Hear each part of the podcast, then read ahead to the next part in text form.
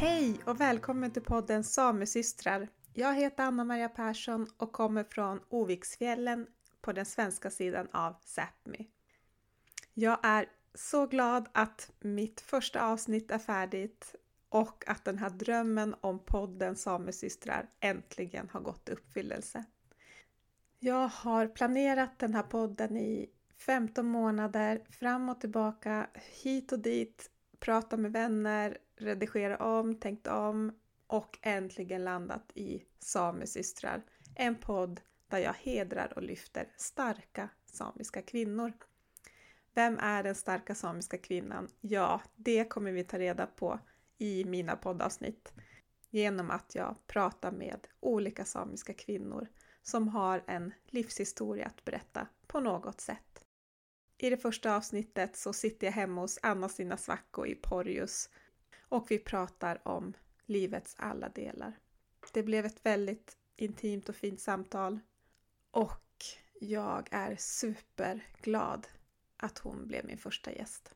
Anna-Stina Svacko, för den som inte vet, är född i Kiruna, uppvuxen i Malå.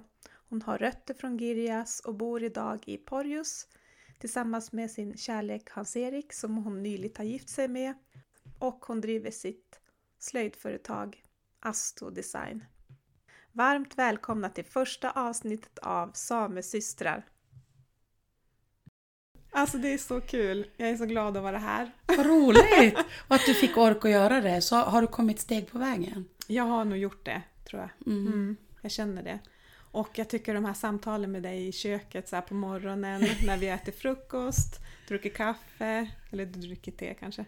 Men också får vi prata om gamla minnen, mm. Foton hemifrån släkter, det här med koltsömnad och traditioner och allt sånt. Ja, och så kommer det konstiga meddelanden att jag... Det är jättemärkligt vilken kontakt vi har och det är jättehäftigt. Mm.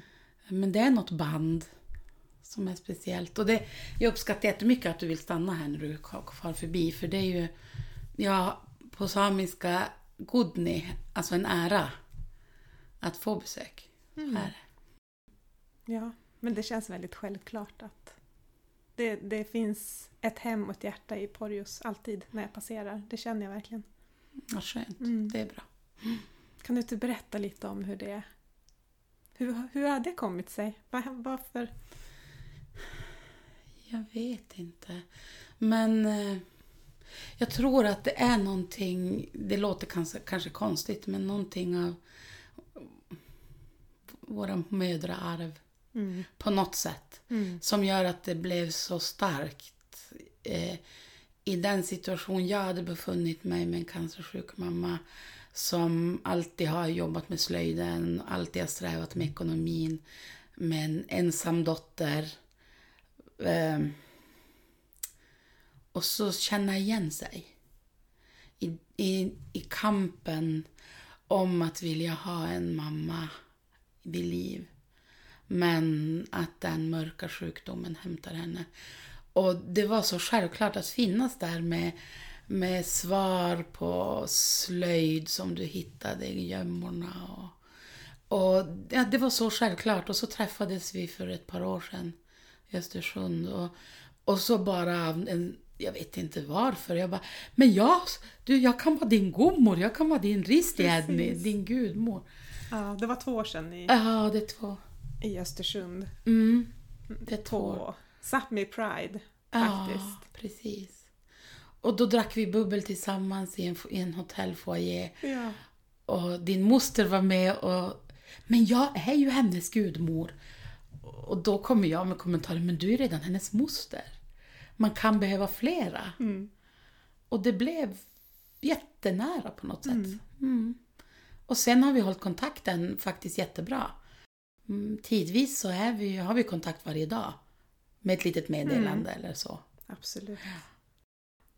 Nej, men det känner jag också att när jag förlorade ju min chiche, min mamma, för drygt tre år sedan i cancer också den här hemska sjukdomen att sitta bredvid och se hur den starkaste människan jag känner bara förtvina och försvinna och gå över till andra sidan. Um, så för mig har det varit jättefint med all kontakt från dig och ditt stöd och att jag har känt att det här är en person som hon vet vad jag går igenom och kan säga ja men jag förstår. Och jag kan känna att det är sant. Jag tror att det är så att, att har man inte varit med om det så förstår man inte.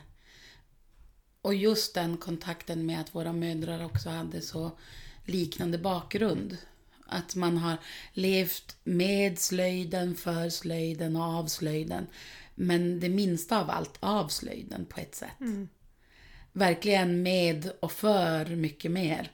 Och pengar var ett strävsamt kapitel. Och man har vuxit upp på samma sätt. För det, det krävs också någonting av en dotter till en sån mor. Att orka gå framåt. Så ja, det är många delar i våra mödrars varande i vårt liv. Och att, jag, att vi kan ge stöd åt varandra. För det är verkligen, du är en av mina flickor. Mm. Så är det. Ja, vad fint. Alltså jag kan ju inte säga att jag har känt dig hela mitt liv, men du har ju funnits i hela mitt liv för att eh, när jag och Chichi bodde i Karesuando så var vi förbi dig mm. någonstans i Soppero. Jag kommer ihåg att vi körde in um, någonstans, jag vet inte om det var övre eller nedre Soppero och hälsade på Anna-Stina. Jaha, men mer kommer jag inte ihåg. Och sen har jag ju varit med på, alltså på Jokkmokksmarknaden och Chichi var där och sålde slöjd och du och din Chichi, Edith, var mm. alltid där i hörnet och sålde slöjd. Så jag har ju som sett dig i hela mitt liv. Och så nu har vi fått så fin kontakt. Så på något sätt har du som funnits där i bakgrunden. Ja, det är fint. Jag trodde fint. aldrig att du, det skulle bli så. Och det är det som är en ännu större, jag kan nästan bara säga det på samiska, godni, alltså ära. Att det händer och att man tar emot det. Och vi har också båda två en lite ranglig bakgrund med fäder, fäders rötter och mm. måste leta dem, sakna dem på ett sätt som man inte förstår varför. Mm. Men där kan man också relatera lite grann. Och jag menar, vi har haft starka mammor och en uppväxt med starka mammor men, men det, har ju fun- det måste ju finnas en pappa någonstans och när man inte har den så det självklara varit för mig är att inte ha barn. För att jag vill inte ge det barnet mm. en lika bräcklig uppväxt som jag själv hade. Då skulle det ha funnits en far där hela tiden, alltså mm. fast cementerad. Mm. Eh, men finns inte det så det var självklart att inte utsätta ett barn för det. Okay. Förrän grunden var stabil. Och när man har hittat sin stabila grund när man är över 50 så var det ju inte så lätt. Men jag har aldrig saknat det heller, utan det har varit mm. val. Att inte utsätta någon för det man själv har gått igenom. Med allt mm. strävande. Wow. Men mm. Det här var ju något som jag inte hade räknat med att du skulle säga. Men det har jag, det har jag aldrig, det har inte nämnt det så ofta. Nej, precis. Men kan det finnas en... Har, när gjorde du det valet? Kan man säga att men det har alltid varit så naturligt? Men jag vill inte ha barn. Eller har det vuxit jag fram? Jag visste eller? när jag var tio år att okay. jag vill inte ha barn. Oh. Jag kommer aldrig bli mamma visste jag. Mm. Jag hade det som i mitt huvud, i min... Lika självklart att som jag visste när jag var 14 år att jag skulle välja slöjden. Så mm. var det som att det var naturliga val. Mm. Och inga stora, inga stora draman runt det. Nej. Att välja liksom en väg. Och också har jag vetat hela tiden sedan jag var ung. Jag var nog 17 år när jag tog det aktiva valet att inte, verkligen inte bli politiskt aktiv. För jag var på väg att slinka in i samepolitiken. Men jag är ju alldeles för hetlevrad. Och alldeles för mycket krig på något sätt inombords. att jag vägrar godkänna det här. Och jag, tänk så hemskt om jag hade stått i en talarstol någonstans och ropat att jag inte god, godtar och vill och vä att jag vägrar. Nej. ja vilken tur att man tar sådana tidiga beslut liksom. Mm. För sin egen skull. För sin egen skull, ja absolut. För det är ju så himla mycket det här normlivet och det, man ska leva på ett visst sätt. Boxlivet brukar jag även kalla det. Äh, det. Man ska inrätta sin box och det ska vara si och så. Normen. Och att det är, enda, det är det enda som räknas på något sätt. och att allt annat som, som man väljer att göra som bryter mot det här, det kan ses... Det kan vara svårt att Ja. leva det livet. Men har du känt något sånt? Hela tiden och det är väl därför jag nästan i vardagen har mina små uppror. Den här sommaren försökte jag återigen ha en fjälläng utanför huset. Och man ser ju hur grannarna liksom rynkar på näsan och tycker vad hon är stökig. Det är också det där att andra ska stoppa in mig i en box, en normbox. Och jag menar det sexualitet är likadant. Att inse när man är 13 år att man tycker att kvinnor är lika intressanta som män. Det är ingenting man gör i Sápmi i en liten skogssameby i Malå där man redan inte är hemma på ett sätt, men hemma. Och så inse sådana saker som jag inte förstod förrän jag var äldre, att det var ganska radikalt. När jag är född på 60-talet. Ehm, att vara egenföretagare i inlandet, glesbygd, eh, noll egentligen eh, förutsättningar för utveckling och eh, så. Men att nu också vara valt att i många år inte ha bil. Just det, precis! och bo i inlandet. Ja. Nej, men det går ju. Allt går och det är helt sjukt att jag fortsätter att välja det. Ehm, men att, att, att välja för sin egen skull. Och jag har insett att mitt liv har blivit bättre. För jag kan inte fly med den där bilen och vara borta i en vecka och inte ha sytt och må dåligt över det. Eller att ja, göra konstiga val då istället för bra val. Men det är väl min psykiska hälsa som nu är stabilare tack vare att det vart en krasch. Och sen från ur askan på något sätt reser man sig. Och det är väldigt signifikativt. Att våga krascha tror jag. Ja, men att göra det offentligt också, som du gjorde. Mm. Och det är ju många anledningar till att jag vill ha med dig i min podd. Men det är ju en av dem. Att våga liksom nej men, gå ut offentligt och berätta för världen och för Sápmi då att så här är det, så här har det varit. Ja, och det, alltså att, att vara instängd och gömma sig. Det var det värsta. Det var det värsta. Och det hör ju också till normen och normbrytning då sen. Att låtsas att allting är bra, att ekonomin är fin.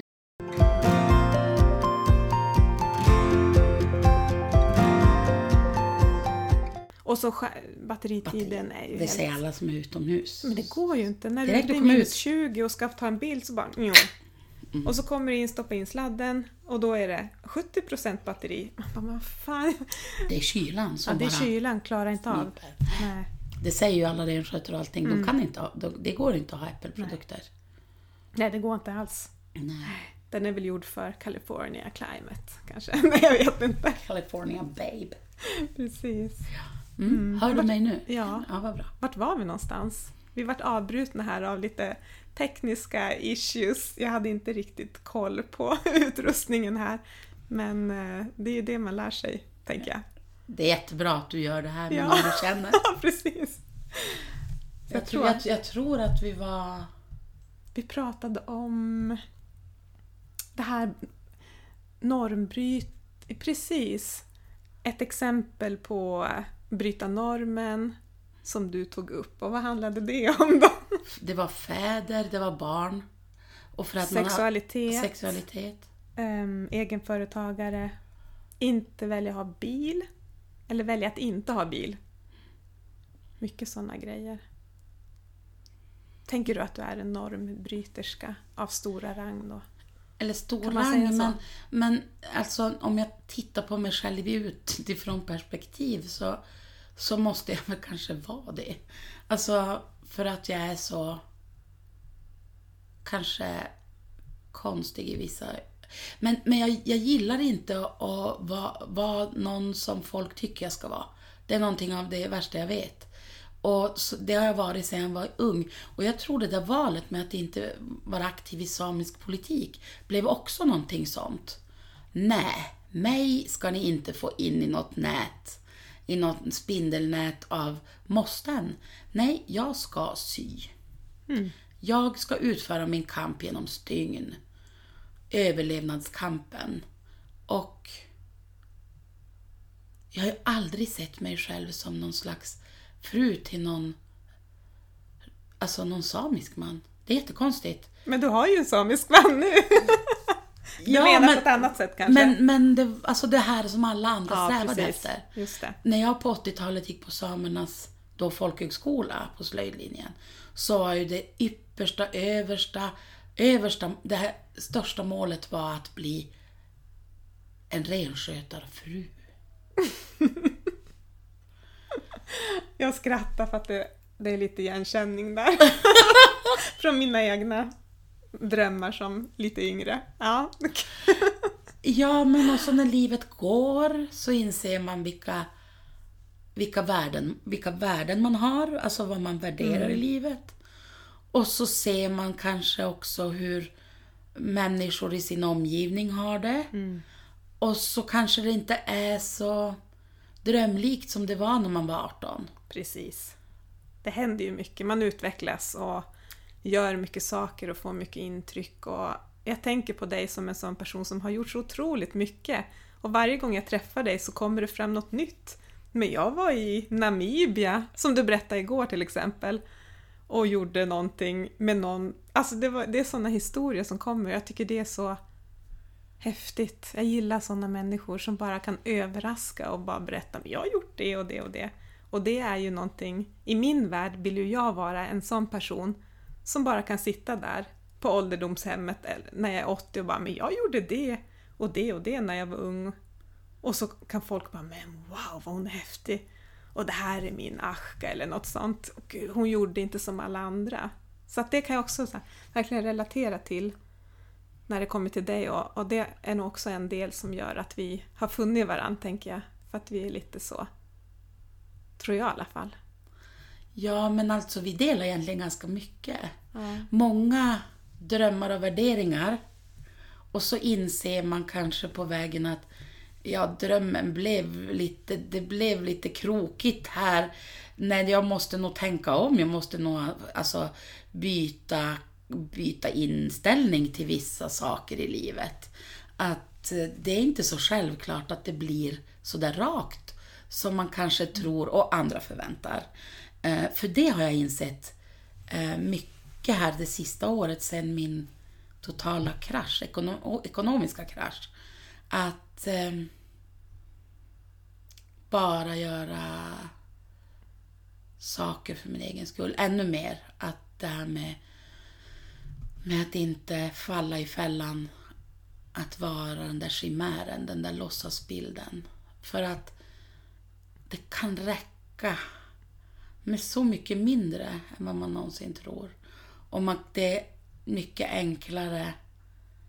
Som att, som igår, få äta fjällkalvkött eh, från en by några mil bort och veta att det är så lokalt så att man kan äta nötkött utan att tycka att det är läskigt.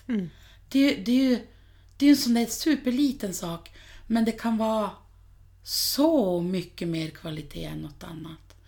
Och jag tror ju äldre jag blir, ju mer, ju mer förundras jag över de små kvaliteterna som är mitt liv.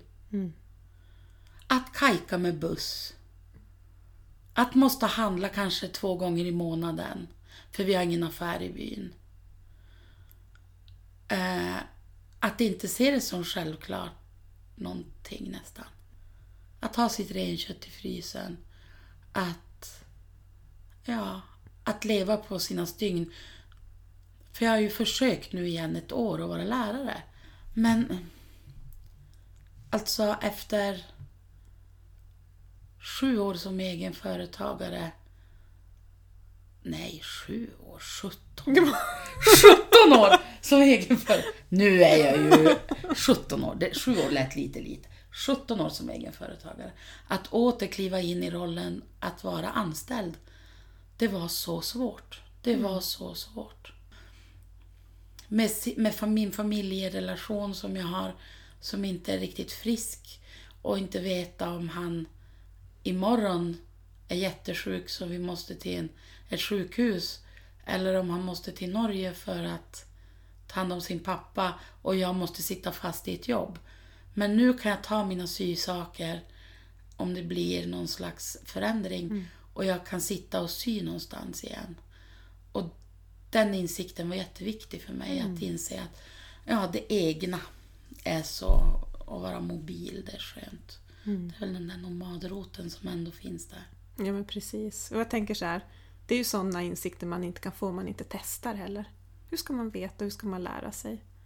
Nej, och, så Och tro, inse saker. och så tro, det är också något som jag pratar väldigt mycket med både yngre människor som inte vågar bli egen företag, egna företagare och våga satsa på det egna. Det är att man tror att en lön från ett annat håll ska vara så mycket mycket viktigare och mycket alltså mycket ja, jag kan inte leva om jag inte får pengar av någon annan. Men att man faktiskt kan leva på pengar man tjänar in själv. När man har nått till en, en viss punkt i livet där man faktiskt också kan ta betalt för sitt jobb. Men det innebär ju att man måste sträva och vara envis. Att inte lämna sitt egna någonsin, någonsin helt och fullt.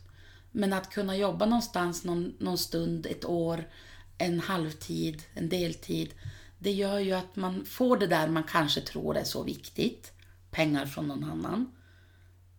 Men att man inser att man får välja själv och göra själv. Jag kan jobba mitt i natten, jag behöver inte jobba sju på morgonen. Det är superviktigt för mig. Precis. Men vad, vad är det häftigaste du, du har sytt? Det häftigaste uppdraget av alla dina uppdrag som är... Varje, varje uppdrag är ju stort för att jag följer ofta en persons identitetsförankring i det samiska. Eh, människor som aldrig har haft samisk dräkt, som inte är uppvuxna i en samisk miljö utan fått veta att man har samisk familj. På olika sätt är det så. Man kan vara bortadopterad eller man kan vara eh, familjen har flyttat för länge sedan, släkten har flyttat för länge sedan till ett område där det inte finns samer eller samisk, samiskt liv. så. Eh, men också den här enorma stora tystheten som finns över hela Sápmi. Som man kan bara säga sameblod, filmen sameblod så förstår människor. Förnekelse, man måste gömma, man måste bränna sin kolt. Och det finns många anfäder och anmödrar som har gjort det. Och speciellt anmödrar faktiskt, som har bränt sin kolt. Och det, det är något som har tagit i min själ så hårt att man har måste göra det för att man skäms för att man inte är accepterad för den man är. Och det är så stort arbete att följa varje individ, ta den i handen och visa här finns våran samiska stig. En stig för även för dig, din släktstig. Så varje sånt jobb är ju stort. Men jag vet inte varför, men jag har sedan jag var ung drömt om att dels sy samiska teaterkostymer, men också att sy till kyrkan av någon anledning. Samisk kyrkotextil. För det är också ett rum där vi inte har fått ta plats om vi inte har nästan skänkt vårt, vårt hantverk till kyrkan.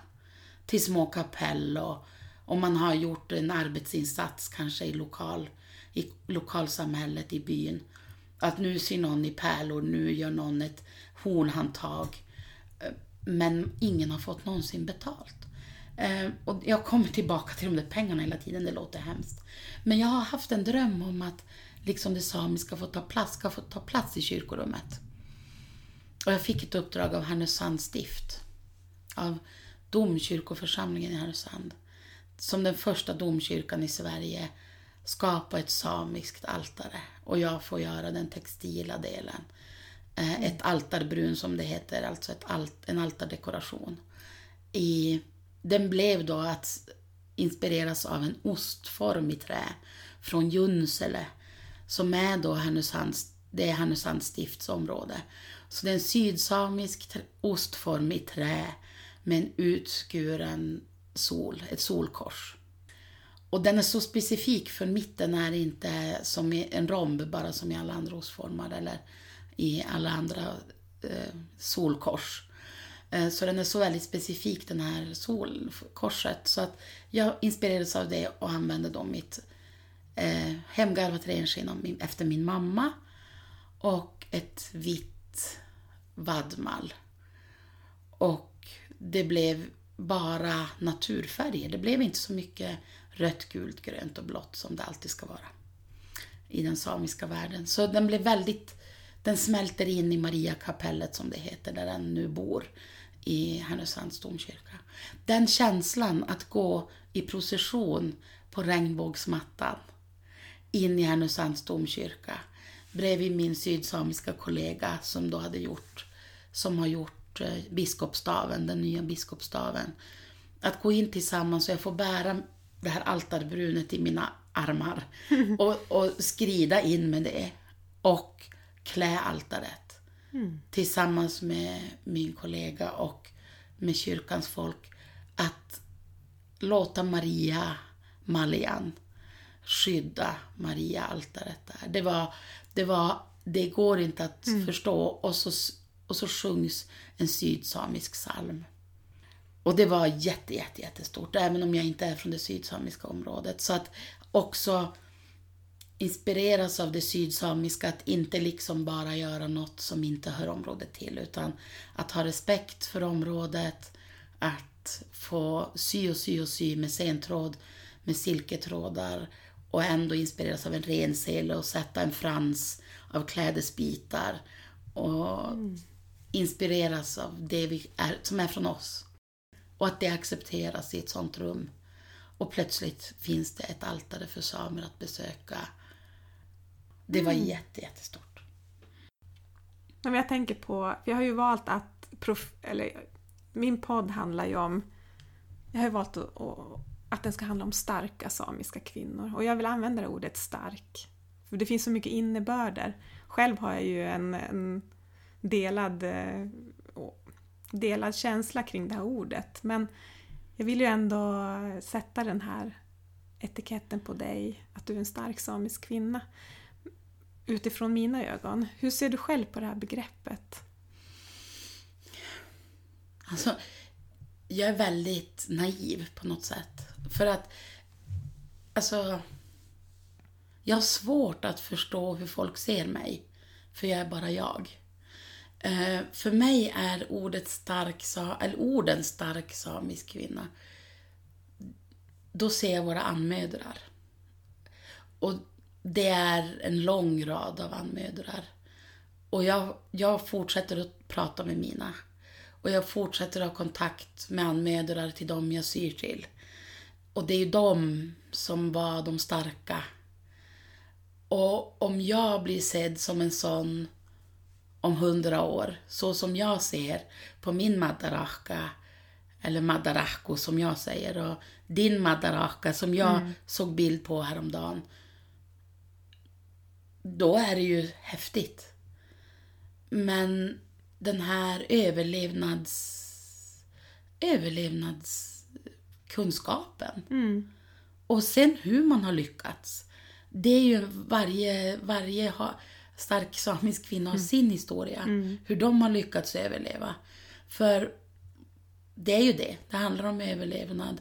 Och är det då liksom i vårt arktiska område, är det med många barn, är det med sitt arbete med att slita i, på vintern bara att få vatten, är det idag, är det att, att uppfostra barn till idag på 2000-talet. Det är ju mm. också en enorm kamp för att kunna ja, få starka barn. Så det är ju, det är ju en jätte, jätte, jätte, jätte stor och vid bild. Mm. Men eh, att aldrig glömma kanske, det är jag nog lite dålig på, att aldrig glömma att jag själv är stark. Det där funderar jag också på. Hur är man när man är stark? För jag har fått höra det ganska mycket. Ja, men du är så stark, du klarar det här. Jaha, men Va, vad innebär det? Va, hur är man när man är stark? Och jag känner mig inte alltid stark. Och jag kan ha blivit så här, men nu får inte en enda människa säga att jag är stark, för jag är inte stark. Men... Så exakt känner jag också. Och så exakt har jag också alltid känt. Att sluta lägga på mig att jag är stark, för jag är bara en liten, liten bräcklig person inuti. Även om mitt yttre ser starkt, verkar starkt. För mig har det under hela mitt liv varit en teater i princip. Att visa det här starka. Men själva verket så har jag ett jättesvagt inre.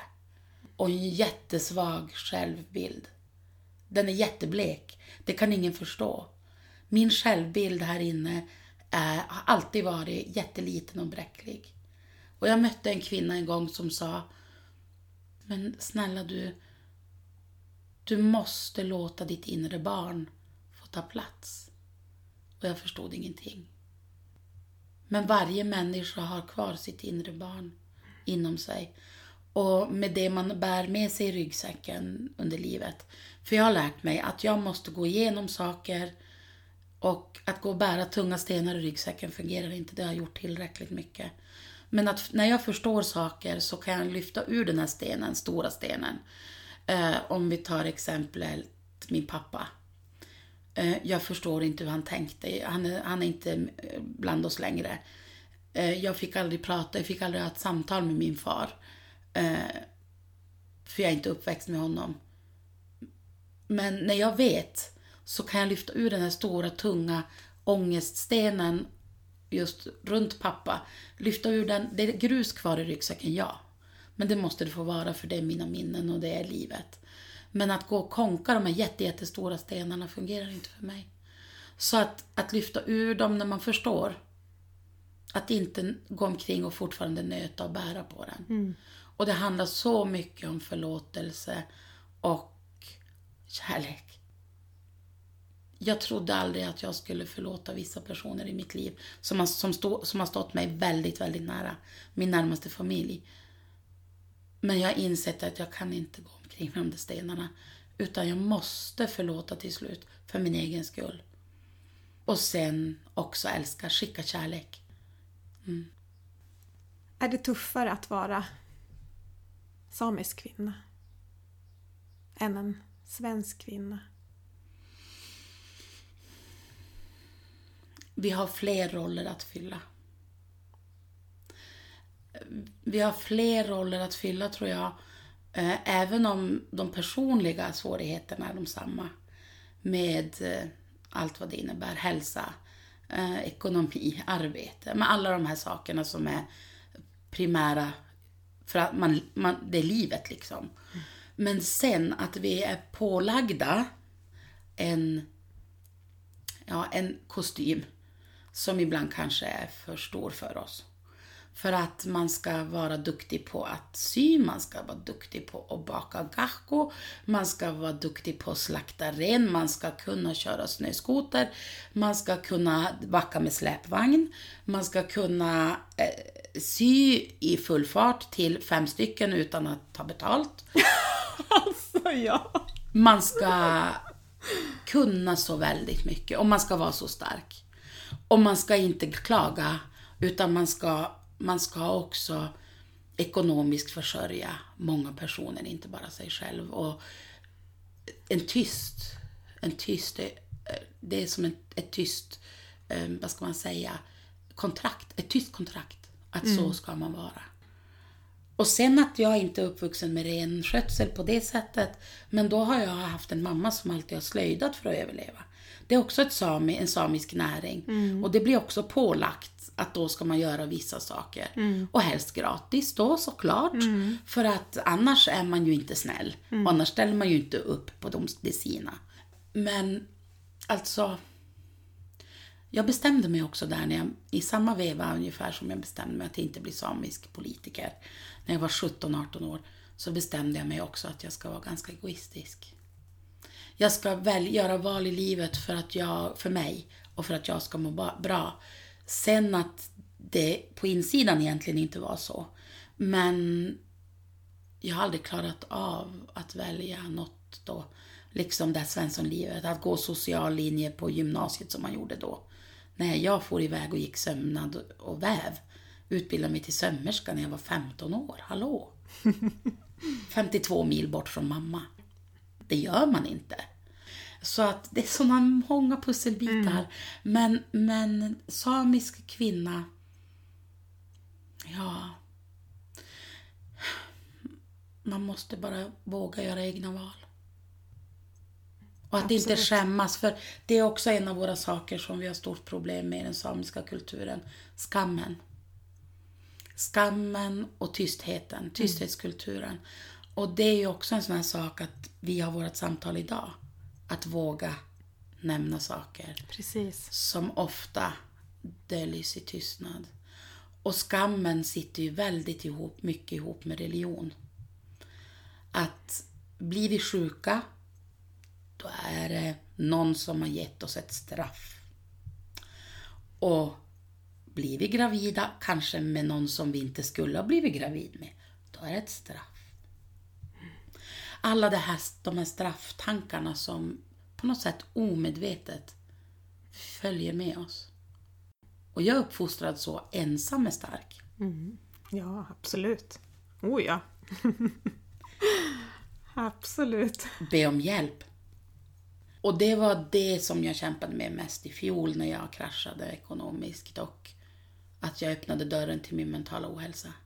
Att berätta för världen. För jag var på knivens ägg att jag skulle antingen tippa över och överleva på ena sidan eller tippa över och inte finnas mera på andra sidan. Och den här kniväggen var också, skulle Sápmi acceptera min livssituation? Blir jag förskjuten från bara det enda liv jag vet som jag kan leva i Sápmi? Blir jag förskjuten? Måste jag rymma? Måste jag börja ett nytt liv? Måste jag ta en ny identitet? Så det var många frågor. Och att be om hjälp. Jag trodde aldrig i hela mitt liv att hjälpen fanns. För jag har strävat ensam. Ensam är stark.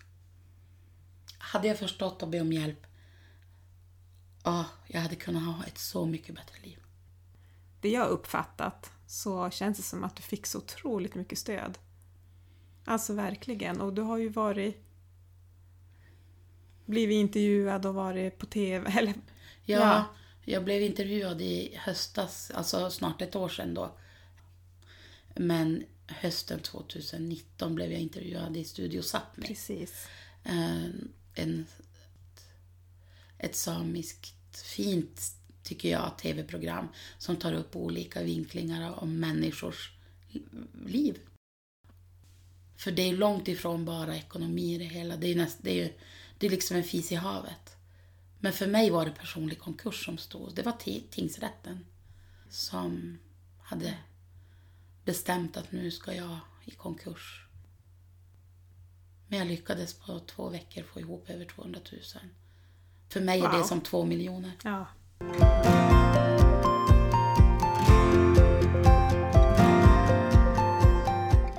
Eh, Men just det här att våga visa sig svag och sårbar, det är ju en enorm styrka. Det är att vara stark, i mina ögon. Mm, men där är det jätteviktigt för dig, mig och många, många andra. Att, den här, att, att säga när folk frågar hur mår du? På affären, när man träffas. Inte svara, jo men nog är det bra. Att svara, ja det är sådär. Eller, jo, det är okej. Precis, men det kan ju vara sådär, jag kan ju känna själv att nej men jag ska inte, vill de ens höra? Det är en artighetsfråga också, hur är det? Så står de där och är jätteglada och man bara håller på att gå sönder inombords, men bara ja, men det är bra, det är bra. Eller jag lever ju har jag börjat, speciellt när Chiche, när mamma var sjuk och gick bort och sen Ashko Aja året efter och, och folk var jätteglada och bara ja men hur är det med dig då? Och jag bara, men herregud, ja, jag lever. Det är ungefär det. Så det är också det här att... Men man har varit på väg att dö flera gånger inombords. Precis. Men det är svårt, det är klart. Mm. Jag har ju själv varit den som inte kanske har vetat hur jag ska bemöta folk i sorg och så. Så att jag har förståelse för den sidan också. Och det är också en stor fråga, det här med att bemöta folk i sorg. Mm. Och det lär, lär man sig i den här processen att leva med en, en väldigt sjuk familjemedlem. Och att vara i ständig sorg de här åren med kampen. Men att, att eh, den här sorgen ska få ta plats. För det är inte farligt. Och att sen kunna säga, det är någonting som stör mig lite på sociala medier. Hur folk bara skickar hjärtan. De skriver inte ett ord. Precis. Och jag blir helt tokig. Jag, jag kan scrolla i tre minuter och bara se hjärtan till en person som verkligen ropar ut en, någon, en sorg eller något svårt. Men att kunna skriva bara att, ja, att jag saknar en mor. Precis. Det är väldigt speciellt. Eller att, ja men någonting annat. Man fixar inte livet med att trycka ett hjärta på sociala medier. Och i sådana Mm. fall, när man känner det, skriv ett person, ett privat meddelande åt människan. Jag brukar inte trycka de där hjärtarna, utan jag brukar hellre skriva en kommentar. Mm. Hellre det, än, än, än bara det där. Det här ytliga, Mm. liksom, som vi lever med nu. Precis. Det är många nyanser i livet. Mm. Ja, Det är det verkligen. och jag tror inte att kanske så många känner min den här djupa sidan.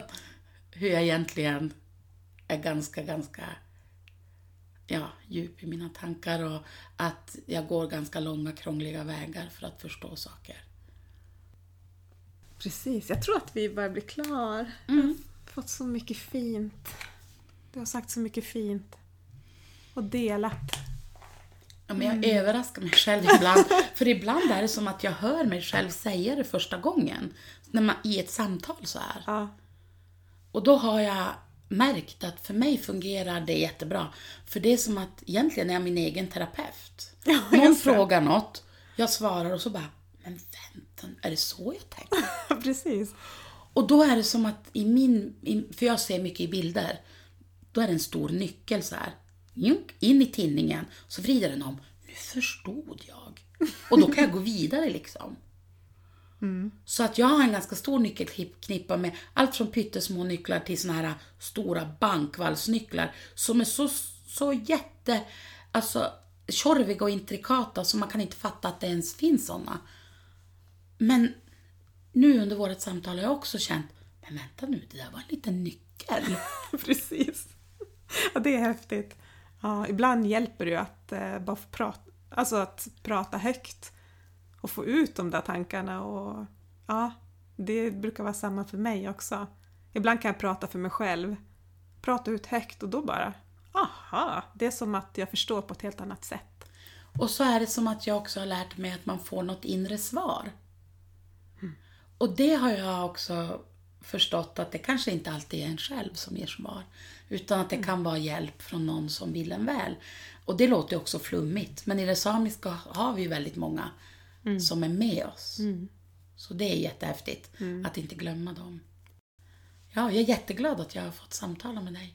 Jag med, tack så jättemycket. Det, var, det har varit otroligt fint att få ha dig som min första gäst. Mm. Tack så jättemycket för att du har deltagit. Gito.